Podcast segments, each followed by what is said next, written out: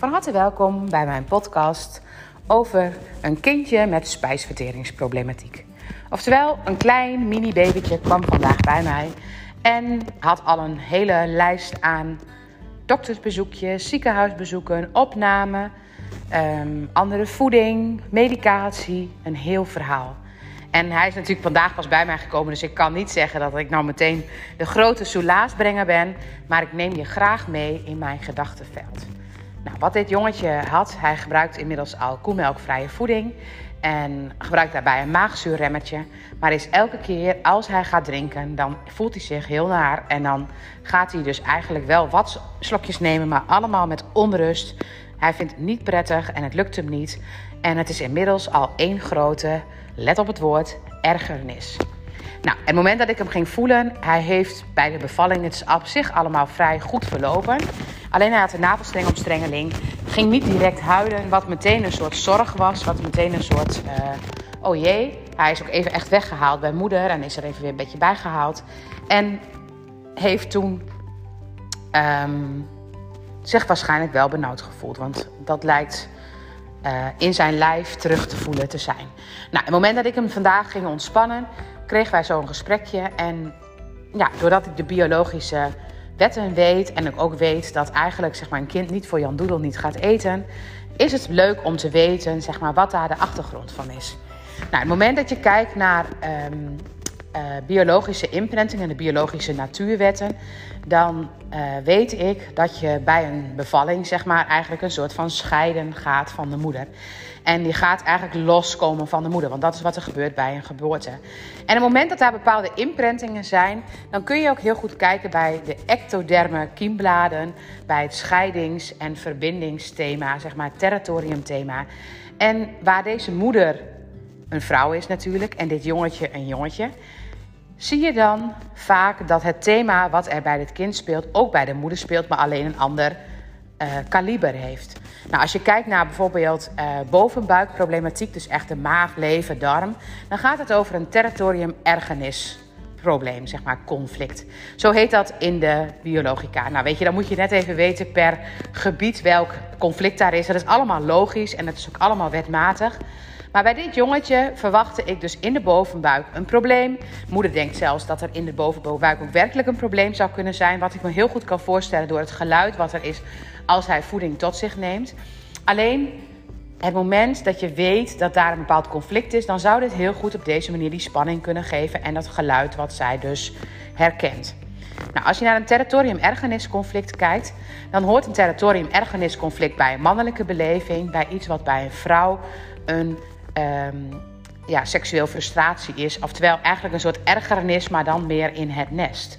En die ergernis in het nest, zeg maar, die geeft bij een vrouw aanbijen. En dat is toevallig precies wat daarbij hoort. En het moment dat ik aan haar ging vragen van, is er ook ergernis geweest in de zwangerschap? Want eigenlijk was dit probleem er van, vanaf moment 1. Toen zei ze, ja, er was ergernis geweest. Ergernis naar haar partner toe.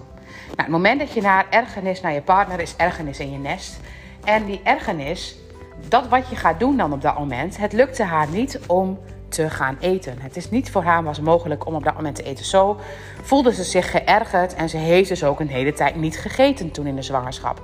De ergernis was wel op een bepaald level dat het niet een klein beetje ergernis was.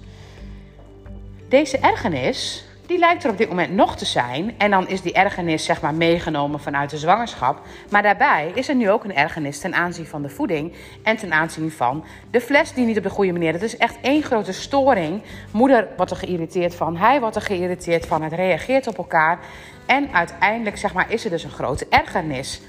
En territorium ergernis is bij dus een man een probleem ten aanzien van maag, lever, darm. En de galblaas, sorry, de bovenbuik en de alvleesklier. En het is bij de vrouw aanbijen. Dus ik vroeg aan haar: heb je ook aanbijen gehad in de zwangerschap? Ja, die had ze ook gehad. Dus het cirkeltje was daar weer rond. Nou, en hoe werkt dat dan? Nou, het moment dat je weet dat eigenlijk voeding niet tot zich genomen wordt door een territorium ergernis, moet je dus zorgen dat je als moeder de ergernis eruit haalt. Dus als zij zelf zich steeds ergert, en nu bijvoorbeeld aan het feit dat hij dan de fles niet krijgt en dat ze dus de fles niet in krijgt en dat het een gemartel is, want dat is nu de ergernis. Dan is er al een magneetje in de zwangerschap geweest van de ergernis. Dan gaat die ergernis weer aan En als er ergernis is, eet ze niet. Dat is wat er dan ook gebeurt. En als je dan niet eet, dan krijg je daar zeg maar een kindje van die weer niet eet. Want zo is alles nog op elkaar ingespeeld. Nou, het moment dat je begrijpt dat niks voor niks is. En je krijgt dus een baby bij je die dus niet eet dan is het belangrijk om erachter te komen waarom eet hij niet. Soms is dat omdat de voeding niet goed voor hem is, dat hij dan denkt van ik moet andere voeding. Maar in dit geval heeft hij andere voeding gekregen, maar heeft daarmee niet beter gereageerd. Dus eigenlijk weet je al, die voeding is, het, is, het is de verandering niet, zeg maar. Daar zit het thema niet. Want anders had hij dus nu op andere voeding wel beter gereageerd. Nou, het moment dat hij zeg maar, steeds voeding omhoog krijgt, want dat krijgt hij ook. Maar als jij dus een probleem in dat gebied hebt, krijg je ook voeding omhoog. Dan zou dus die maagzuurremmer een duidelijke verandering moeten geven. Maar ook die geeft geen verandering. En het moment dat je eigenlijk zeg maar, een ergernis hebt, en dat is dan net eventjes dat je dat moet weten. Ergernis hebt en je ergert je steeds weer, dan val je steeds weer terug in het oude patroon. Het moment dat er weer ergernis is. En als je ergernis hebt, ga je dus niet eten. Dus dan heeft hij helemaal geen behoefte om te eten. En waarschijnlijk tussendoor wel steeds een beetje honger. Het lichaam gaat wel steeds een beetje honger maken. En die maakt wel steeds een bepaalde onrust. Veel wakker, veel onrust. Omdat het lichaam ehm, ja, via het systeem van de, uh, van de suiker zeg maar, probeert om dan te zorgen dat hij steeds goed in de suikers blijft. Nou, dit klinkt als heel ingewikkeld, snap ik ook. En helemaal bij een podcast als ik het zo inspreek. Maar wat ik hiermee wil laten weten, is dat niks voor niks is. Dus als een kind met buikpijn is, of een kind spijsverteringsproblemen, of niet wil eten, of veel krampen heeft, het is nooit voor niks. En wat je weet, als dat aan de hand is, dan weet je er is een conflict. Want een kind gaat niet voor niks niet eten. Er is een conflict, anders gaat een kind dat niet laten zien. En welk conflict is er dan? Ik weet heel zeker dat het moment dat je goed kijkt naar wat er allemaal heeft gespeeld. En als je dan ook de achtergrond nog van de biologische natuurwetten hebt. Dan kun je altijd het issue vinden. En dan weet ik ook heel vaak dat die ergernis die er daar speelde, dat die zeg maar later, dus heel makkelijk, als je een beetje ergernis hebt, hoeft er maar weinig bovenop en dan zit je weer in de ergernis. Dus dat wordt heel makkelijk weer getriggerd. Maar het moment dat je weet hoe het in elkaar zit en je maakt deze persoon er bewust van. En ik heb haar dus ook geadviseerd om te zorgen dat als ze ergernis heeft, dat ze het minimaal uitspreekt. Het laat weten en ook aan het kindje laat weten van goh, ik snap wel dat je je ergert aan die fles en dat het niet lukt. Mama ergert zich namelijk ook en we weten nu niet, erger jij je of erger ik me? Maar we reageren allebei met niet eten. Het is een magneetje alles, maar dan ook werkelijk alles, wat er in de zwangerschap speelt en wat er bij een bevalling speelt, dat wordt in het brein van het kind opgeslagen zoals ook moeder het heeft beleefd. En dan wordt het heel zwart-wit opge slagen. Want het moment dat jij als moeder bijvoorbeeld ergernis hebt in de, in de zwangerschap, dan heeft het kind nog geen menselijk brein om te kunnen denken: dit is niet van mij, dit is van mijn ouders. Nee, het kind slaat het op als ergernis. En als het kind het opslaat als ergernis, zeg maar, dan hoeft er een volgende keer maar een trigger te zijn op ergernis. En dan gaat het systeem extra aan. En het moment dat je dit weet, kun je in het geval van ergernis, als je boos bent en je slaat het op in jezelf en je wordt boos van binnen, dan wordt het alleen maar erger. En het moment dat je weet van hé, hey, dit is de ergernis. En je gaat daar zeg maar zorgen dat je die ergernis uitspreekt. Dus als ik die boosheid uitspreek, dan ontlaat het zich. Dan gaat de ergernis niet stapelen. En wat er dan gebeurt, ik weet nog niet precies wat er dan gaat gebeuren, want ik heb natuurlijk nog geen antwoord terug. Maar ik verwacht eigenlijk dat hij heel makkelijk beter gaat eten. Hij moet het nog even leren. Hij moet even weer opnieuw, want hij heeft zelfs zondag gehad.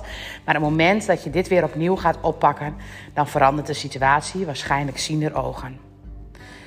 Morgen, maar iemand die de podcast veel later hoort, zeg maar, die zou eigenlijk even moeten kijken op mijn site of je diezelfde webinar ook terug kunt vinden. Maar morgen heb ik een webinar specifiek over dit onderwerp, over buikproblematiek en spijsverteringsproblemen. En daarmee neem ik je mee in alle visies rondom dit thema.